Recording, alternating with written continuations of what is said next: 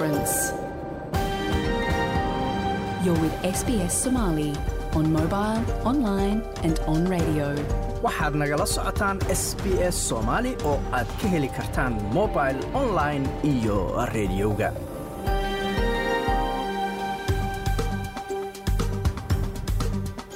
habeen wanaagsan dhammaantiinba meel kastoo aad naga dhegaysanaysaan waa habeen arbaca bisha maarsana ay tahay sagaal sanadka labada kun iyo labaatanka halkaad nagala socotaanna waa laantaaf soomaaliga ee idaacadda s b s oo si toosa idinkaga imaneysa stuudiogaanu ku leenahay magaalada melbourne. Magacayguna waa xasan jaamac.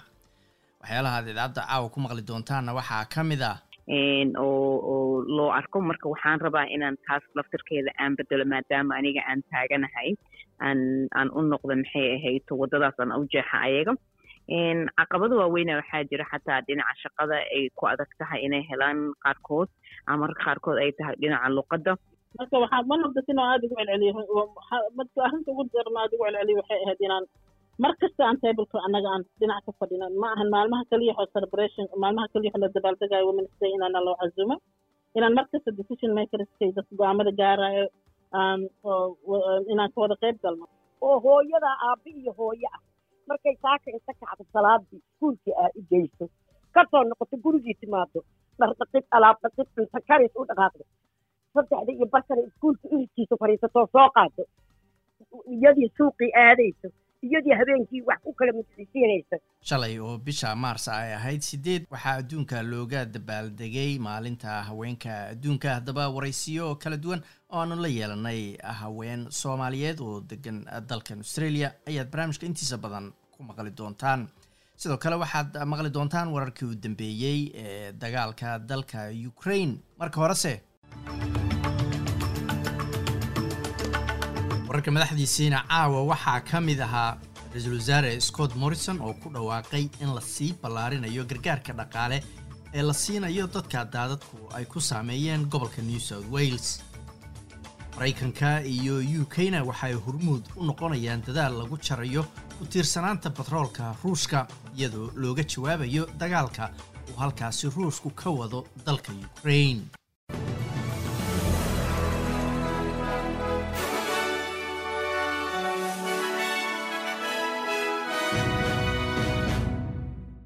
Ra'iisul wasaare scott morrison ayaa ku dhawaaqay in la sii ballaarinayo taageerada tooska ee lacageed ee la siiyo shakhsiyaadka daadadku ay saameeyeen isagoo sidoo kale ku tilmaamay burburka daadadku ka geysteen magaalada lismore masiibo qaran. Isagoo ku sugan magaaladan dhibaatadu soo gaartay ayuu ra'iisul wasaarehu sidoo kale ballan qaaday in maalgelin dowladda federaalku ay ka caawinayso maaraynta daadadka si looga hortago masiibooyin kuwan oo kalea inay mustaqbalka dhacaan. We've also got to give people hope about the future of the Northern Rivers. Now, these issues have been debated in and around Lismore waa inaan sidoo kale dadka siino rajo mustaqbalka gobolkan northern rivers la yidhaahdo arrimahaasi waa kuwo waqti dheer lismore looga soo doodayey waxaan la hadlay duqa magaalada wasiirka iyo premierka waana inaan wax ka qabanno waa inaan hubinno inaan mar uun dhammayno hawsha loo baahan yahay in wax laga qabto taasoo qayb ka ah maaraynta iyo xal u helidda daadadka northern rivers oo wax la qabta ayuu yidhi hadal oo keliyana aysan noqon. Dadku waqti dheer ayay ogaayeen buu yidhi waxa loo baahan yahay in wax laga qabto waana hawl ay tahay in ay hormuud ka noqdaan dadka deegaanka iyo weliba golaha deegaanku mr morrison ayaa ku dhawaaqay gargaar dowladda federaalka iyo ton gobolku ay si gaara ugu qoondaysay shirkadda caanaha iyo waxyaalaha caanaha laga sameeyo ee la yidhaahdo noorco oo ah shaqabixiyaha ugu weyn gobolka.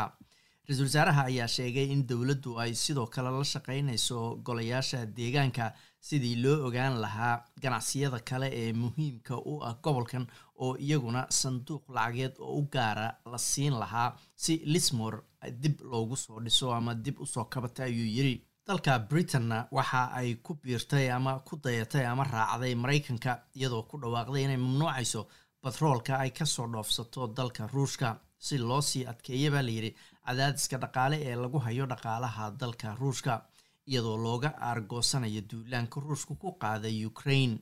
Xogeyaha ganacsiga u k quasi quarteng ayaa sheegay in batroolka iyo alaabta kale ee la xiriirta si tartiib tartiiba loo joojinayo ilaa dhammaadka sanadkan What we've announced uh, today is that we want to see the elimination of Russian oil imports. during waxa aan ku dhawaaqnay maanta waa inaanu doonayno inaan joojino batroolka aan ka soo dhoofsanno ruushka inta sanadkan lagu jiro. taasina waxay wakhti siinaysaa buu yidhi in daruufaha cusub ay la qabsadaan ganacsatadu laakiin waxaan doonaynaa inaanu ka takhalusno batroolka ruushka. Sidaan sheegayna inta lagu jiro sanadkan oo markii dabayaaqada sanadkan la gaaro batrool dambe laga soo dhoofsan dalkaasi. Quarteng ayaa xaqiijiyey in u k ay kala shaqaynayso dalalka kale ee batroolka soo saara oo ay ku jiraan maraykanka holland iyo dalalka khaliijka si batrool meel kale ay uga soo gataan. Tan ayaa imanaysa kadib markii madaxweynaha ukraine volodimir zelenski uu ka codsaday maraykanka iyo dalalka kale ee reer galbeedku inay jaraan batroolka ay ka soo dhoofsadaan ruushka. Batroolka ayaan horey loogu darin cunaqabatayno ad adag oo lagu soo rogay ruushka dhowaanahan. Dhanka kalena iyadoo madaxweyne biden uu ku dhawaaqay inuu mamnuucayo batroolka dalkiisu ka soo gadan jiray ruushka ayaa waxaa la filayaa in dadka gawaarileyda ee dalkan australia ay halkii litir oo batrool ahba ku gataan laba doolar inta dagaalka ruushka ee ukraine uu socdo afhayeena hadlay ururka gawaarileyda ee new south wales ee la yidhaahdo n r m a peter cury ayaa sheegay in lacagta ay batroolka ka bixinayaan darawalladu uu yahay midaan hore loo arag iyadoo caasimadaha gobollada intooda badan ay celcelis ahaan gaareen hadda laba doolar litirkiiba. Master kuure ayaa intaa ku daray inuusan caalamka oo dhan hadda uga jeedin wax uu is leeyahay gawaarileyda australia xoogaa qiimaha waa ay ka dhimi karaan ku dhowaad afartan iyo afar milyan oo qof oo reer south korea ayaa u dareeraya goobaha codbixinta si ay u doortaan madaxweynaha xiga ee dalkaasi. Waxaana soo afjarmay olole ay ka buuxaan waxyaalo la yaab leh fadeexo iyo weliba sumcad dilid. Ciddii ku guuleysta doorashada maanta oo arbaca dhacaysa ayaa waxaa sugaya caqabado badan oo ay ka mid yihiin sinaan la'aanta baahsan ee dalkaasi ka jirta qiimaha guryaha oo cirkaas ku sharartay taasoo dhibaato ku ah baa la yiri dhaqaalaha dalkan ah dalka afraad ee ugu dhaqaalaha badan dalalka aasiya.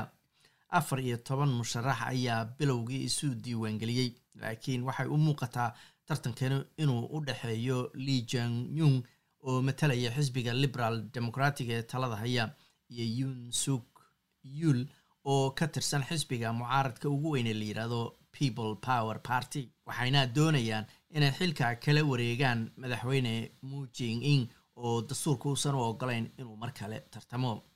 Qofkii ku guuleysta jagada madaxweynenimada ayaa tobanka bisha may waxa uu bilaabi doonaa muddaxileedka ugu horreeya oo ah shan sano aan ku bilaabo xubinta isboortiga kulamo ku tirsan lugta labaad wareegga lix iyo tobanka koobka naadiyada yurub ee champions league ayaa xalay la ciyaaray. Kooxda bayer ee dalka jarmalka ayaa ku tumatay. Kooxda salzburg ee dalka austria waxaana ciyaar xiiso badan oo ka dhacday. Garoonka kooxda bayer ay ku soo idlaatay toddoba gool iyo hal oo ay guusha ku qaadeen. Kooxda bayer iyadoo lugta koobaadna gool iyo gool barbadhac labada kooxood ay soo galeen. Weeraryahanka reer poland ee u ciyaara kooxda bayer robert lewindowiski ayaa dheliyey goolasha saddexleyda isagoona saddex iyo labaatan daqiiqo oo keliya ku qaadatay in saddexdiisii gool uu xaqiijiyo. Labada gool ee hore ayaa waxay ahaayeen gool kulaad loo dhigay isla ciyaaryahankan robert lewindowiski halka gool kalena uu raacsaday daqiiqadii saddex iyo labaatanaad waxaana kabtanka xulka qaranka dalka poland iminka uu saftay kulankiisii boqolaad ee tartanka champions league.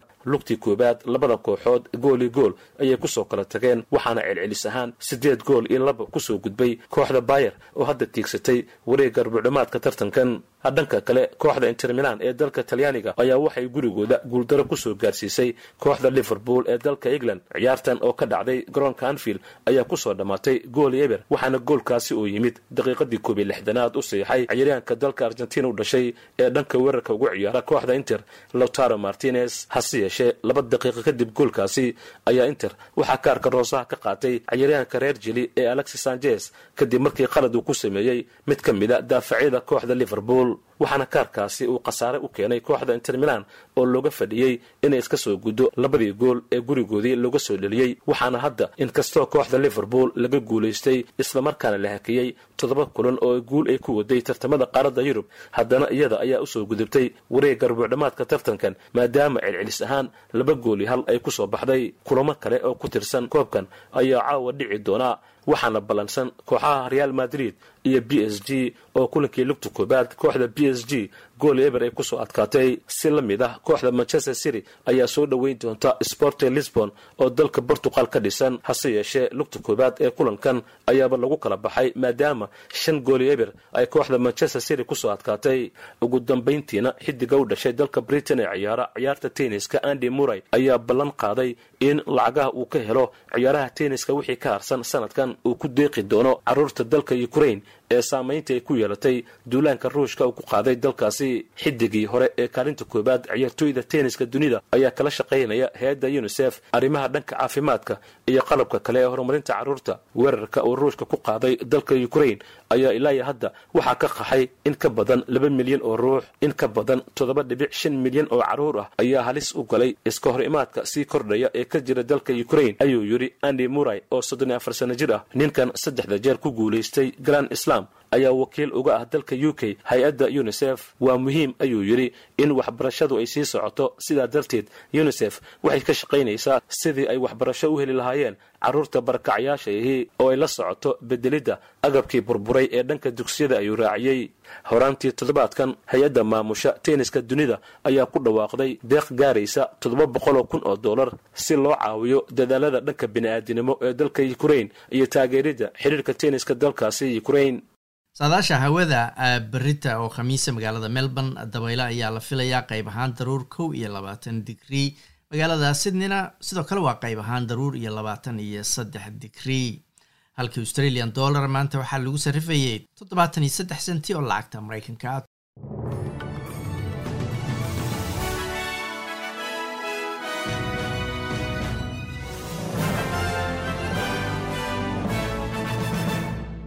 halka aad warkaas kala socoteen waa laanta af soomaaliga ee idaacadda s b s. Weli waxaa noo soo socdaa waraysiyo dheeraada oo ku aadan maalinta sideedda bisha oo shalay ahayd oo adduunka laga xusay maalinta haweenka ee adduunka.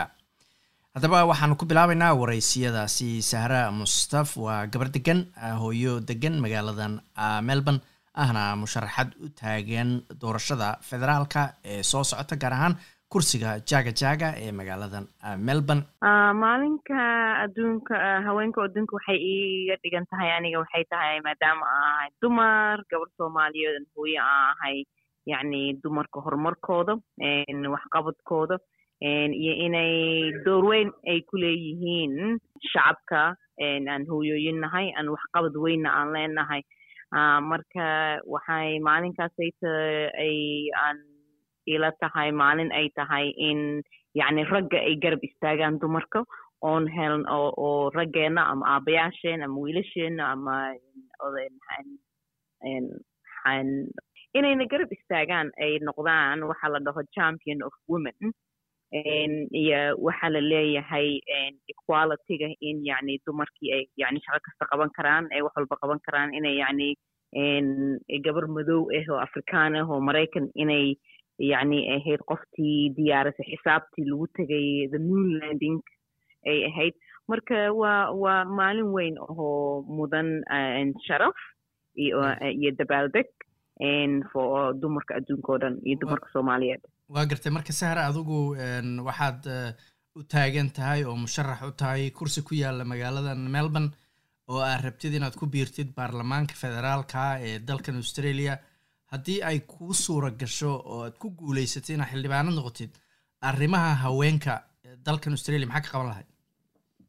Waxyaabaha aan raba inaan ka qabto waxaa ka mid ah haddaan ku guulaysta doorashada soo socota may bisha shanaad. Waxaa ka mid ah dhinaca caafimaadka waxyaabaha researchka iyo iyo maxay ahayd waxay noo sheegtay in dumarka dhinaca caafimaadkooda yacni aan aan si ay wax rabin aysan u helin. Waxyaabaha qaarkoodna annaga medicare system ayaan qabnaa. Medicare systemkeeno in aysan maxay ahayto waxyaabaha qaarkiis aysan u ogolayn in la bixiyo oo waxay tahay inuu qofka jeebkiisa ka baxsado maxay ahayto marka waxyaabahaasoo kale ayaan rabaa inaan ka hortago. Iyo waxa dhinaca la leeyahay yani inay baarlamaanka dumarka ka shaqaynaya inay ammaan ku helaan safety. Sidoo kaleento in yacni shaqada markay noqoto waxa la leeyahay equal yani dumarkii iyo ragga in hadday isku shaqo qabtaan. In las yacni ay helaan waxa u dhigmo waxay qabta yani qofka dumarka aan wax yar aan la siino qofka raggana aan wax badan la siiyo. Saas ayaa hadda jirto waxyaabahan laga hadla inequalityga ama gender day gap waxa la dhaho. Marka waxyaabahaas ayaan rabaa inaan ka hortago oon oon sharciga aan bedelno si yacni dumarka iyo gabdhaha ay u helaan opportunity shaqo ah ammaankooda la sugo aan aan ka hortago waxa la leeyahay domestic violence waa garta ugu dambeynta marka saharo ma jiraan baahiyo gaara oo ay qabaan haweenka soo galootiga ama qaxootiga ee soomaalidoo kalea oo aad is leedahay waxqabad gaaray u baahan yihiin ha way jirtaa ho yani qof haddaad tahay qaxooti ama soo gelid ama aad u soo guurtay wantan kale haddaad tahay qof madow oo muslin ama soomaali yacni waxyaaba dhiba dhibaatooyin jira ayaa jiro oo ay wajahaan. Taasna waxaa ka mid ah cunsuriyin cunsurnimada ah oo oo loo arko. Marka waxaan rabaa inaan taas laftirkeeda aan bedelo maadaama aniga aan taaganahay aan aan u noqdo maxay ahayd waddadaas aan u jeexa ayaga caqabado waaweyna waxaa jira xataa dhinaca shaqada ay ku adag tahay inay helaan qaarkood ama marka qaarkood ay tahay dhinaca luqadda marka wixii aniga aan awoodon ka caawin karo ama ay noqdo dhinaca federaalka inay u ogolaato jaal sida ilmaha kaleento in loo haayo kale jaalkeerko kaleento in ay dowladda ay ka bixiso so ayaga iskuulowana ay wax bartaan ay shaqo aadaan marka taas ayaa ka mid ah gabdhaha muslimiinta ahoo xijaaban oo soomaalida way qofku markuu qabo wadankan waxaa la xijaabi yani si kale ayaa lagu arkaa marka in aan bedelo fikirka laga aaminsan yahay gabar soomaali ahoo muslin ah ina yani meel kasta gaari karto ee wax walba ay qaban karto dumarka soomaalidana waa dumar ad adag waa dumar kartile oo wax soo saar leh xaawataaka ayaa nagu jirto marka waxaan rabnaa inay dumarkeena ay aada u soo baxaan insha allah oon aan garab istaago. Taasi waxay ahayd sahran mustaf oo khadka telefoonka ee magaalada melbourne igu warramaysay weli halkaad nagala socotaan waa laanta af soomaaliga ee idaacadda s b s. Weli waxaa noo soo socdaa warbixin ku aadan dagaalkii iyo arrimihii ugu dambeeyey ee dalka ukraine. Marka horese waxaan weli bartamaha kaga jirnaa xuska maalinta sideedda maarso oo ahayd maalinta adduunka laga xuso maalinta haweenka adduunka. Xaawo dheel waa hooyo iyaduna degan magaaladan melbourne waxa ay leedahay urur arrimaha haweenka ka shaqeeya. Waxaan weydiiyey bal iyadana sida ay u xuseen maalintan. Wallaahi maalinta haweenka de waa maalinta yadiyo waa faraxsannahay waxay la tahay meel walba ubax iyo farxad iyo hooyooyinku waxay dareemayaan maalintaasoo kale inay magaalada iyaga madax ka yihiin dabaaldega dumarka aad iyo aad iyo aad baan ugu faraxsannahay hooyooyinka soomaaliyeed oo meel walba joogana australia ama dal iyo dibadba jooga waxaan leeyahay waa maalintii haweenkee waa maalinteenna waa maalin wanaagsan waa garta marka adiga urur ahaan haweenka soomaaliyeed ee magaalada melbourne degan ee aada la shaqaysid caqabadaha ugu waaweyn iyo arrimaha aad kala shaqaysid maxaa ka mid a waxaan kala shaqeeyaa abowe marka ugu horeyso annaga waxaa waaye community ahaan waxaan u shaqaynaa hooyooyinka inaan wax barno inaan wacdigelinno inaan wixii waddanka ka jiro u sheegno in muxuu ahaa wixii dowladduna soo fartana aan u faafino. Intaasaa u samaynaa soowin baan barnaa oo harqaamo ah. Waxaa la baraa isheeg galaasyo waxaa jira ingiliish ah oo islaamaha waaweyn ah oo ingiriiska ay ku bartaan.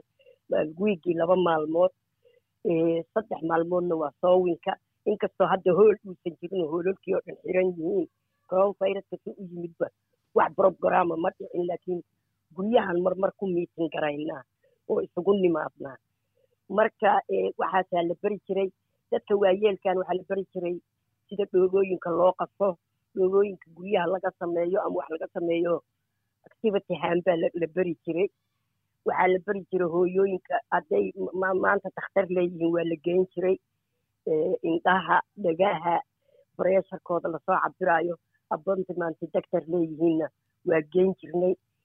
Wixii guryaha ka jaban ama wixii ka hadlaysan howsinkan waxaan u ahayn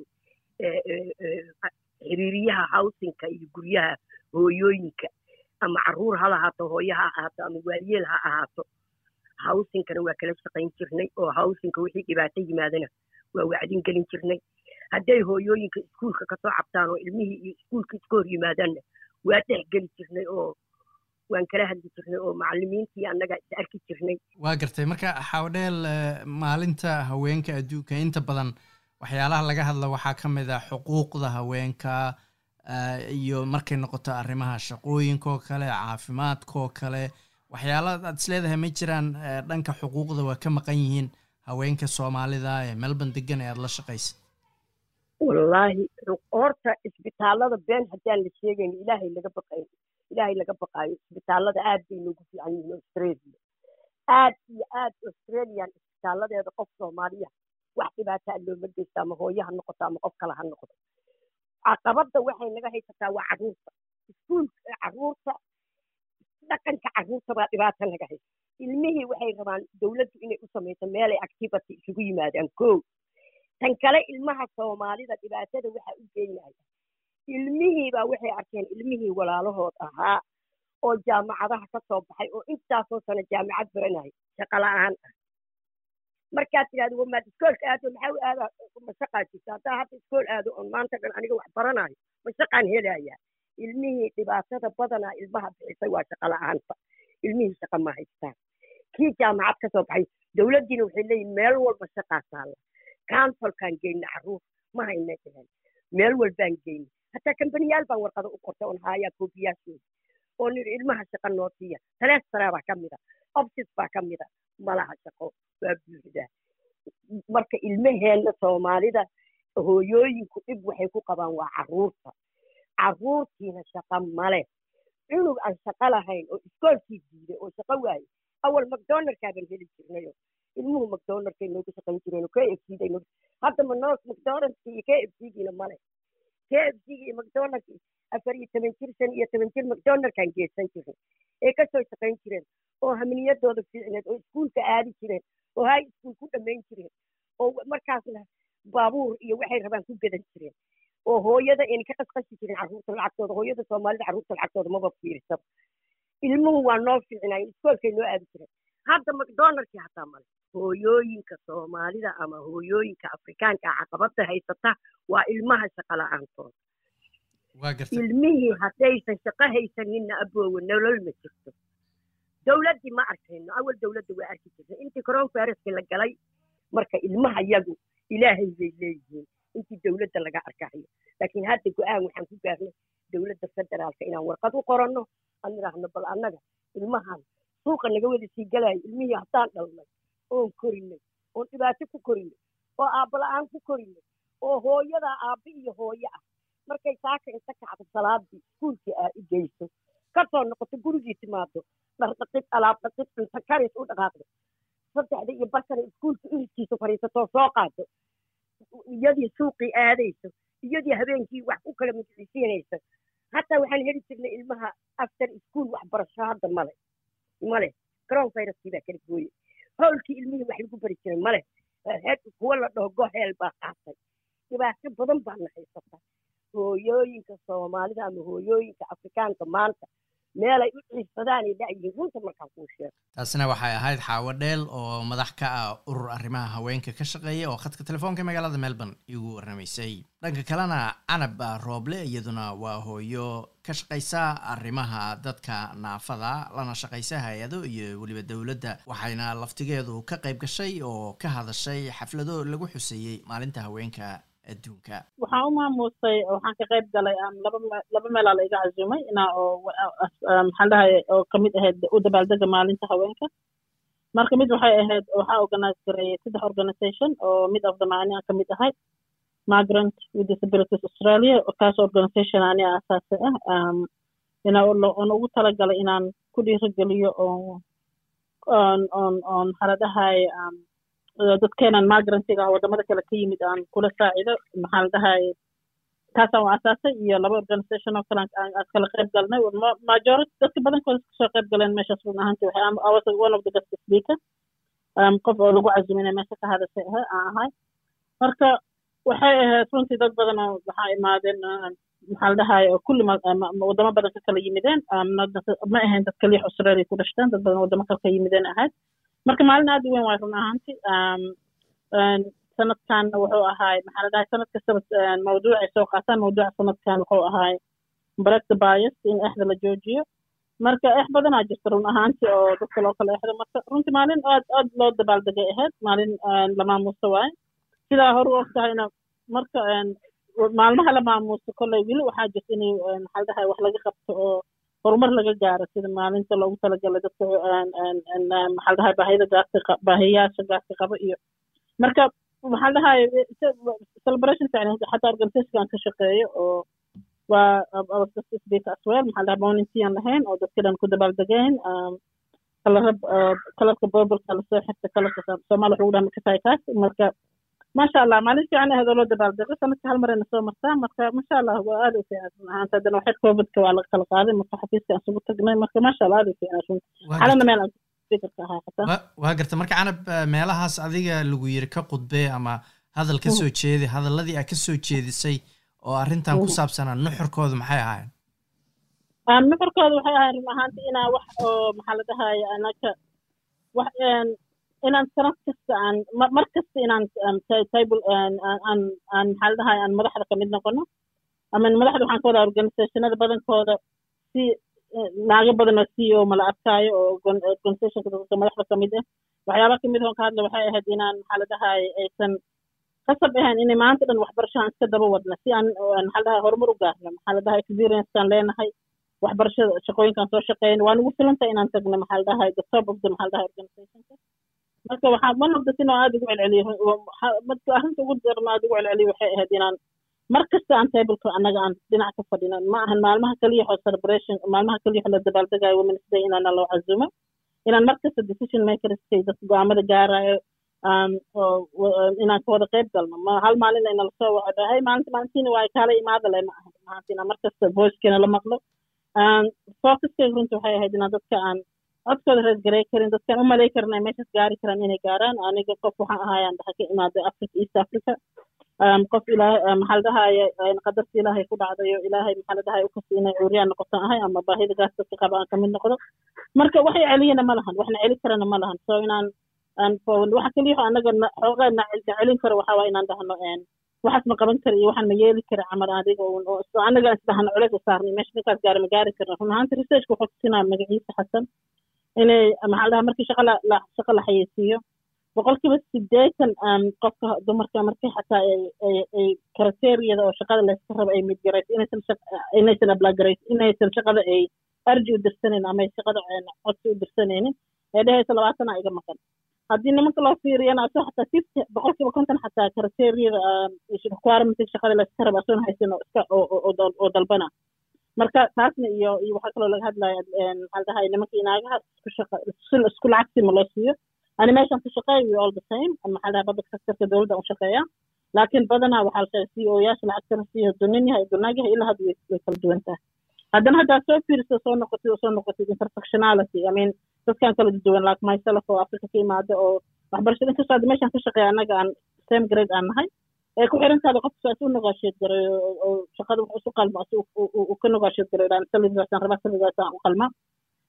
Waxaa jira soo kalenta maxaa la dhahaye let's say qof cadaan australiano inta ku dhalato naag ah maxaa la dhahaye privilege ay qabtaa privilege. Marka privilege ay leedahay ay maadaama ay cadaan tahay laakiin anaga markeena waxaan waxaa kamidta nasii haysta biasig waana la eexa waxaa la barfagaranaa dadkaas isla qofaa shaqa loo dhiibaa farankeeda camal oo soo wacnaa marka systematically camal ku imaanaya marka in anaga marka inaan maxaa la dhahaye aan aan table ka tagno inaan anigan aan aan maanta dhan haddii maanta shaqa aweysa xataa aadan isdhihin okay tan waa waabis oo iska dhaafa inaan maanta dhan layska daba wado in lais encourage gareeyo adigu waxaas camal ay waxaan ka hadlayn waa gartay marka markaad gaar ahaan fiirisid haweenka soo galootiga ama qaxootiga soomaalidoo kale adiga waxaa laga yaabaa hadda waxaa ka doodeysaan in ama c e o ay noqdaan madax ka noqdaan shirkadihii.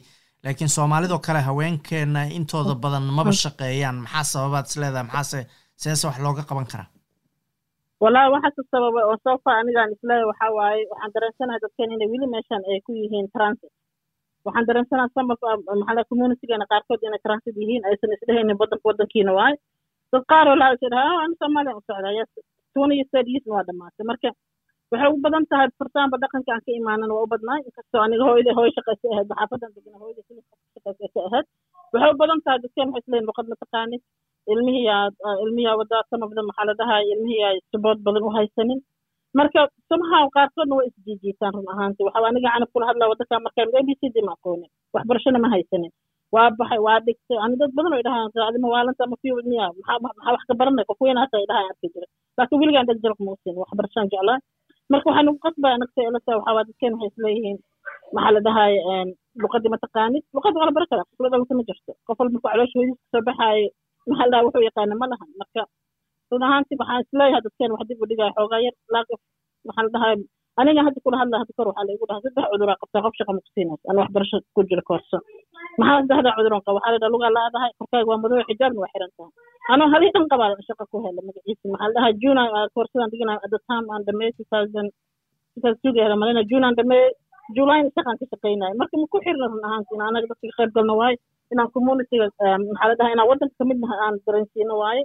Marka maxaa la dhahay maasha anagana nagu xiran tahay qofka wuxuu iska dhiga laba run ahaan sanad walbaa loo dabaaldegaa maalinta haweenka adduunka. Maxaad is leedahay sanadka dambe marka la gaaro sanadkan waa isbedeli doonaan oo aad ka shaqaynaysaan ama adduunka oo dhan dooda ugu weyn oo arrimahaas ku saabsan waata.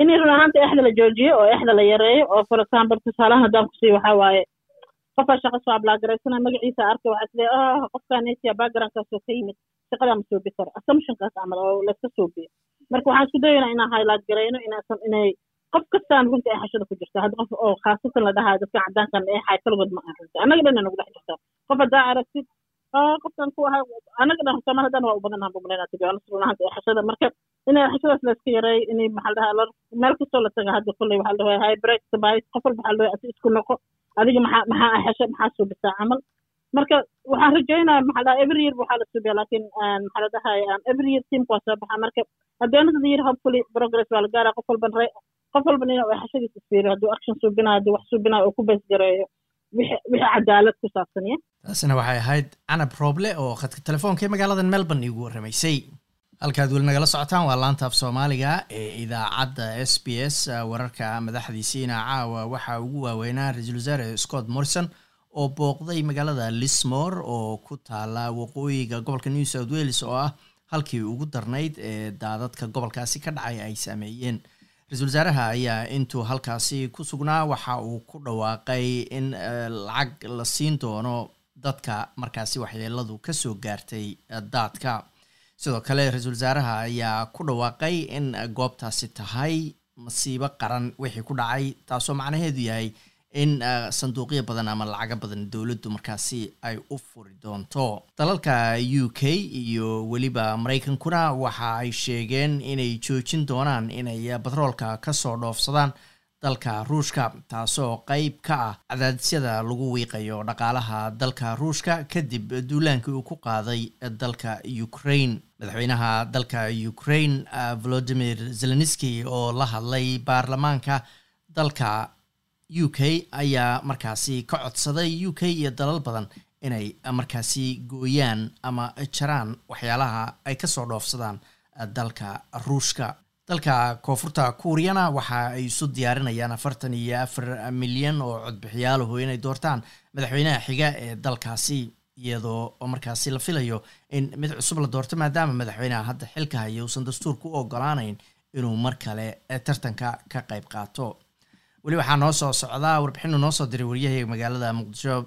Marka horese arrimaha ukraine ayaa weli cakiran iyadoo la doonayo in meelo ama wadooyin bini-aadanimo loo baneeyo. Dad badan oo doonaya inay dalkaasi isaga qaxaan.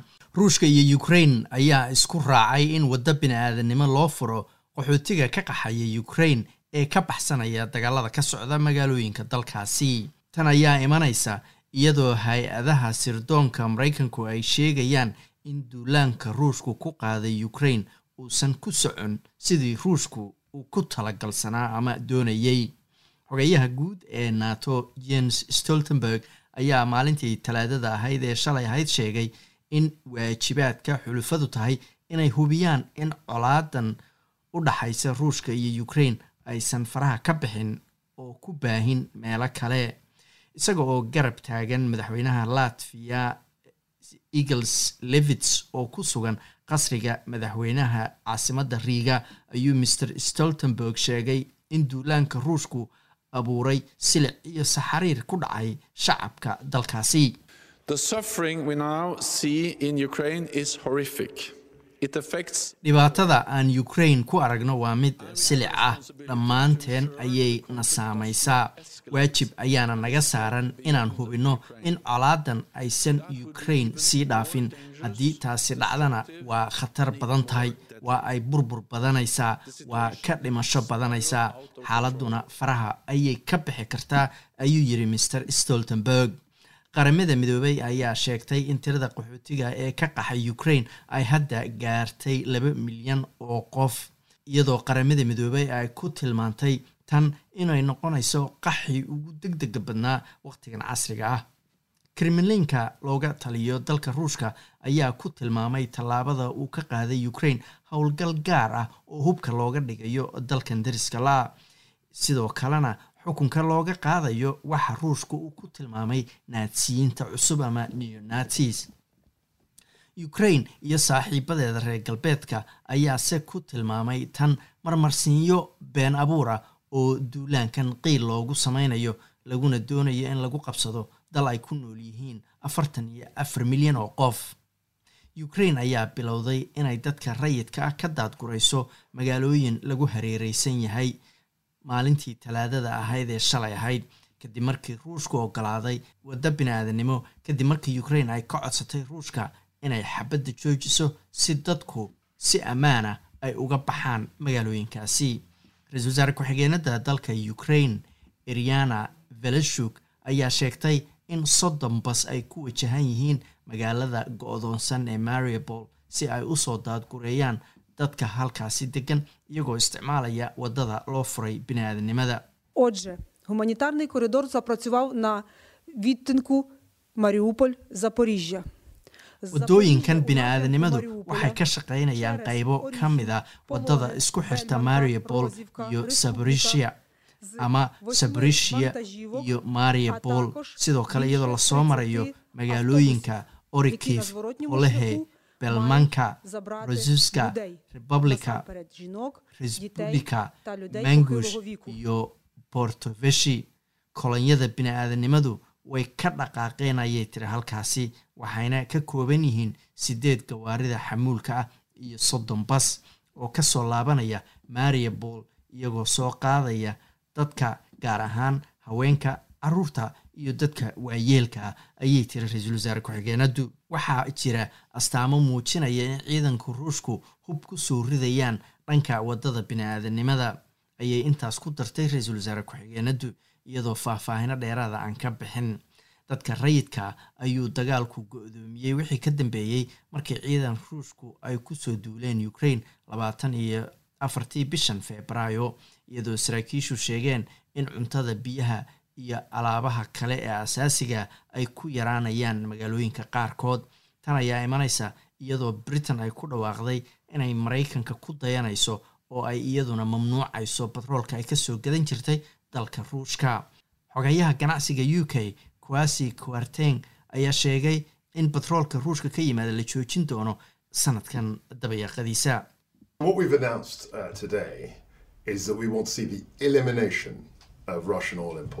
Waxa aanu ku dhawaaqnay maanta waa inaanu doonayno inaan joojino batroolka aan ka soo dhoofsano ruushka inta sanadkan lagu guda jiro. Taasina waxay waqti siinaysaa ayuu yidhi inay daruufaha cusub la qabsadaan ganacsatadu. Laakiin waxaan doonaynaa oo kale inaanu ka taqalusno batroolka ruushka sidaan hore u sheegay dhammaadka sanadkan. Wuxuu intaa ku daray in waqtigaas loola jeedo in la isu dheelitiro joojinta batroolka ruushka iyo in dadka ama ganacsatada loo ogolaado inay la qabsadaan in batroolka ruushku uu suuqa ka baxayo. Batroolka ruushka ee u k la keeno ayaa u dhigma sideed sideed boqolkiiba oo keliya batroolka guud ee dalkaasi uu gato. Xogeeyaha ganacsiga britain ayaa sheegay in britain aysan aada ugu tiirsanayn gaaska ruushka mar la weydiiyey in gaaska ruushka laftigiisa la joojin doono. Mamnuucidii madaxweyne joe biden ee batroolka ruushka ayaa lagu sii xoojinayaa khasaaraha dhaqaale ee dalka ruushka.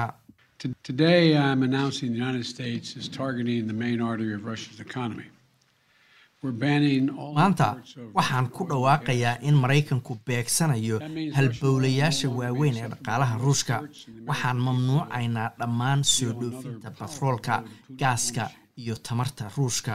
Taas macnaheedu waa in batroolka ruushka aan la keeni karin dekadaha maraykanka taasina dharbaaxo weyn bay ku noqonaysaa mishiinka dagaalka ee putin. Tallaabadanna waa mid taageero ka haysata yiri madaxweynuhu labada dhinac ee koongareeska waxaan qabaa in dalkao dhanna ay taageero ka haysato shacabka maraykanku. Waxay taageerayaan ukraine waxayna caddaynayaan in lacagtooda aysan ku kabayn dagaalka putin. Waxaan go'aankan gaarnay annagoo la tashanayna saaxiibadeen iyo xulafadeenna adduunka oo dhan ayuu yidhi madaxweynuhu gaar ahaan yurub.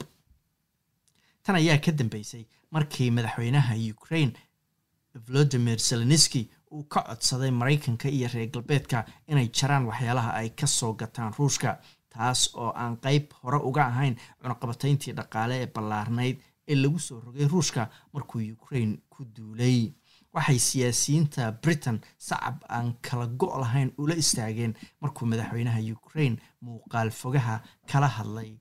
Aqalka baarlamaanka ee dalkaasi talaadadii shalay ahayd. Codsiga inuu u qudbeeyo baarlamaanka u k ayaa waxaa ogolaaday afhayeenka aqalka sir linsey hoyle oo u sheegay mr selniski in u k ay xaaladda la socoto walaac badanna ay ka qabaan we have watched the situation unfold in your country with increasing concern, madaxweyne seleniski waxaan xaaladda waxaan xaaladda dalkaaga ula soconnaa annagoo walaac dheeraada ka qabna.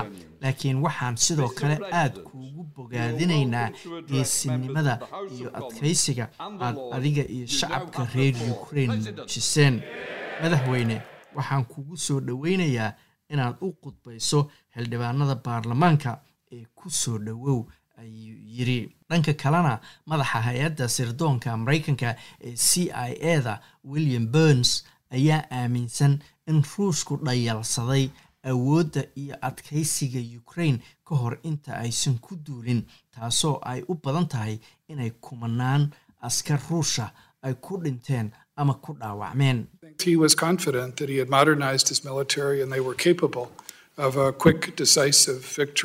Vladimir putin wuxuu ku kalsoonaa inuu casriyeeyey milatarigiisa oo ay awood u lahaayeen guulo deg dega oo aan khasaaro badani ka soo gaarin.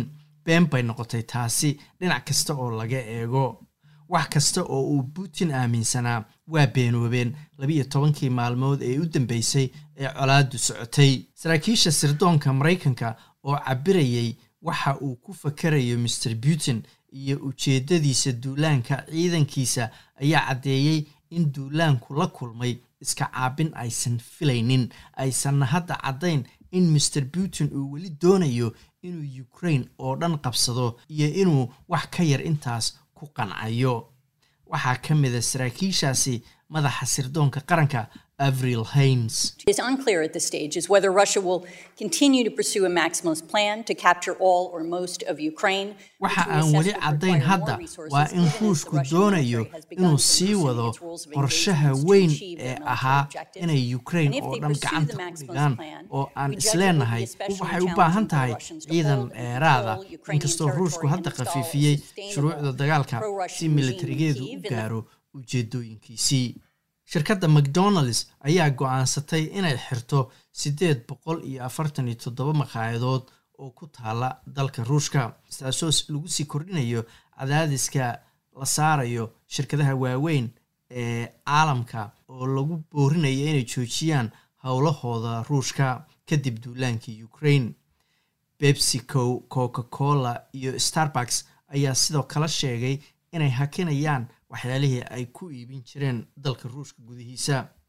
Xiridda macdonaldka ayaa astaan weyn u ah ruushka oo markii ugu horreysay laga furay bartamaha magaalada moscow kii wuxuuna markaas astaan u noqotay waa macdonald nidaamka hantigoosadka ee capitalistaha la yidhaahda ee maraykanka kadib markii ay burburtay xulafadii midoogii sofiyeetku macdonaldka ayaa sheegay inay sii wadayaan inay mushaarooyinkii siiyaan shaqaale gaaraya lixdan iyo laba kun oo ku sugan ama degan dalka ruushka. Halkaad weli nagala socotaana waa laantaaf soomaaliga ee idaacadda s b s. Haddana waa warbixintii uu noo soo diray waryahayaga magaalada muqdisho oo ku aadan xuska maalinta sideedda maarso munaasabado lagu dabaaldegayay sideedda maarso maalinta haweenka adduunka ayaa lagu qabtay qeybo badan oo ka mid a dalka.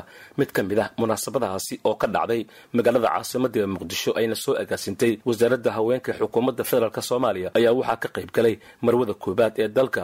Wasiiro ka tirsan xukuumadda soomaaliya xildhibaano labada aqal taliyaha ciidanka baleyska iyo ururada haweenka. Wasiirka wasaaradda haweenka iyo horumarinta xuquuqul insaanka xukuumadda federaalk soomaaliya xaniifo ibraahim xaabsade oo munaasabada ka hadashay ayaa tilmaantay muhiimadda ay leedahay in la xaqiijiyo doorka haweenku ay ku leeyihiin siyaasadda iyo hogaaminta arrimaha bulshada. Inta taasi laga xaqiijinayana aan la heli karin dowladnimo taama siday tiri. Dareenkooda maalin ay ku dhusaan caqabadaha iyagoo hortaagan. Runtii haweenka soomaaliyeed waa boqolkiiba konton iyo ka badan bulshada soomaaliyeed. Maadaama ay yihiin bulshada ugu badan dalkan waxay noqonayaan milkiilayaasha dalka.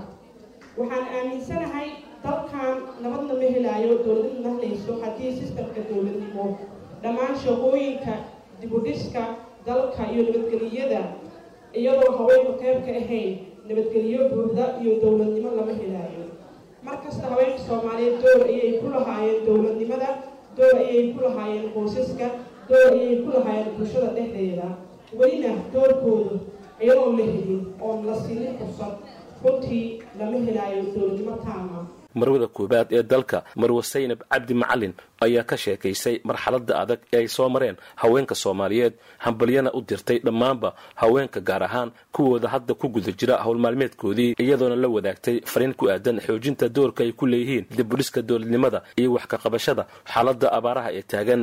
Waxaan munaasabadan awgeed dhiirigelin iyo bogaadin u darayaa hooyada soomaaliyeed ee xoolaha raacaysa miyiga fog ee u xanaanayso lafdhabarta dhaqaalaha dalkeenna. Waxaan dhiirigelin u dirayaa hooyada soomaaliyeed ee hadda u taagan beerfalidda si ay u soo saarto dalagyada aynu quudan lahayd. Waxaan halkan dhiirigelin iyo boogaadin uga dirayaa hooyooyinka soomaaliyeed ee hadda fadhiya dariiqyada magaalooyinka dalka kuwaasoo halganka ugu jira inay soo saaraan hogaamiyaashii bere ah.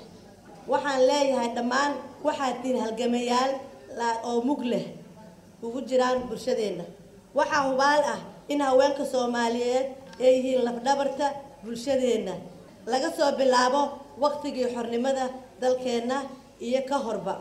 Haweenka soomaaliyeed waxay ay udubdhaxaad u ahaayeen halgamadii kala duwanaa ee aynu soo galnay marka ay dagaalada sokeeye ka dhaceen dalkeenna sid aan la wada soconno waxaa dalka ka jiro abaaro baahsan. Waxaan uga faa'iidaysanayaa arrintan maalinta weyn inaan baaq u jeediyo haweenweynaha soomaaliyeed ee gudaha iyo dibadda.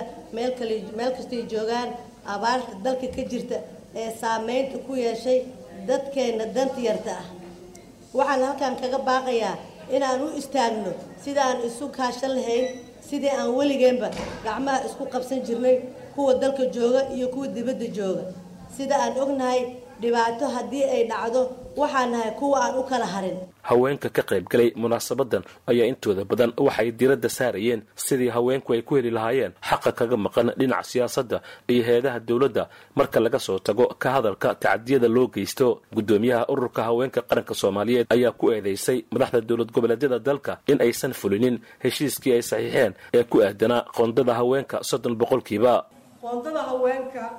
waxaa loogu talagalay in lagu dhaqangeliyo sharci la yidhaahdo habraaca doorashooyinka. Sharcigaas oo qeexaaya in la xaqiijiyo boqolkiiba soddon ugu yaraan qoondada haweenka. Waxaa saxiixay madaxda dowlad goboleedyada iyo ra'iisul wasaaraha jamhuuriyadda federaalka soomaaliya. Waxay ahayd in lagu fuliyo qaabka dhaqangelinta doorashooyinka sharciga la saxiixay oo keli ah.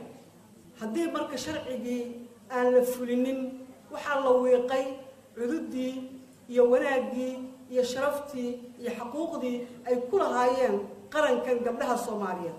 Waxaana meel looga dhacay heshiiskii la saxiixay oo ay madaxda dowlad goboleedu ay saxiixeen taasoo keentay inay hoos u dhac ku yimaado qoondadii haweenka oo ahayd doorashadii hore boqolkiiba labaatan iyo afar. Maanta inay marayso boqolkiiba labaatan. Taasi nooma qalanto. Waxaan qaadan karna ma aha mana agsabti garayn karno. Waxaan u baahannahay inaan ku baraarujinno madaxda dowlad goboleedyada iyo ra'iisul wasaaraha qarankeenna in la dardargeliyo in la buuxiyo qoondada boqolkiiba soddon lana siiyo ballanqaadkii gabdhaha soomaaliyeed sharciga ugu qoraa oo la duudsiiyey haddaan waddada lagu soo celin sharciga ummaddu waa ambanaysaa inta ka soo horjeeda qoondada haweenka iyo in la dhowro xuquuqda gabdhaha sharafta leh ee soomaaliyeed. Waxaa noo ballan inaan guryaha lagu haysanin oo bannaanka loo soo saaro. Waxaa noo ballana in gabdhaha soo galaya baarlamaanka oo ka hooseeya boqolkiiba soddon aysan gelin baarlamaanka ilaa la soo buuxinayo boqolkiiba soddon. Guddoomiyaha guddiga doorashada madaxa bannaan xaliimo ismaaciil maxamed xaliime yarey oo munaasabadda ka hadashay ayaa sheegtay inaysan haweenku mudnayn in mar weliba ay ka doodaan qondo kaga maqan dhinaca ragga laakiin taasi beddelkeed looga baahan yahay inay ka shaqeeyaan sidii ay qayb uga noqon lahaayeen hay'adaha kale ee dalka maxaa nalaga rabaa hadda inaan ka shaqeyno sidaa hogaaminta uga qayb qaadan laheed toddobada ninoo fadhiisanaysa oo maalin kasta go'aanka beerkaa noo gaaraya haddana ayaga isku dhaqaayaan inaan dhexdooda fadhiisano waa inaan ka shaqeyno taas iyaga taas iyaga waxa waaye inaan dhaqaalaha shaqeyno ma aha inaan maalin kasta qoonde raadino qoondoy qoondoy qoondoy gelino baarlamaanka soo socda oo ka hadlaya haweenka ama dhahaya boqolkiiba soddon ay leeyihiin ama dhahaya intaasoo kursi oo kayd haweenka iskale cid kale ka hadli karta bal soo saarin oo aanan baarlamaanka ka saxiixin weligeed saari u jiro inkastoo sharci dhanba aan la qaadanin oo haddana nin kasta dantiisa uu jaabka kala soo baxo wuxuu rabo wax iska celiyo jirin iska celino oo sharciga ha shaqeeyo kunaan idiin sheegaa hadduu sharcigu shaqeeyo haweenku waa guuleysanayaan laakiin haddii sharciga jaabka la geliyo haweenku waa guuleysanayaan saa inaan ka shaqeyno waa waddankeena dastuurka iyo shuruucda ku xigtaba inay inay shaqan karaan tan ka shaqeynayna waxaa sadarka intaan iska dayno gabdha xirfadayaala aan soo inaan tababarno inay gabdha soo baxaan gabdha dhaqaalaha ka shaqeeya gabdha muxuu ahay ka shaqeeya diinta ka shaqeeya gabdha ka shaqeeya cadaaladda gabdha ka shaqeeya warshadaha gabdha ka. Shaqeeya risaabaadka ah meel kasta oo laga shaqeeya in la yidhaahdo war gabadhaas aan u baahanahay meel dabka markii la galo ee ayagu soo baxdo taasna inaan ka shaqeyno waa jaranjaro aan aan wax ku gaari karno si kastaba haweenka soomaaliyeed ayaa waxay soo mareen marxalado kala duwan iyo xaalado adag oo dhanka nolosha ihi waxaana munaasabadan siddeedda maarso oo guud ahaan looga dabaaldegayo dunidu ay ku soo aadaysaa xilli dalku ay ka jiraan xaalado dhinaca nolosha ihi sida sicir barar xoogan iyo abaaro saameeyey dad iyo duunyo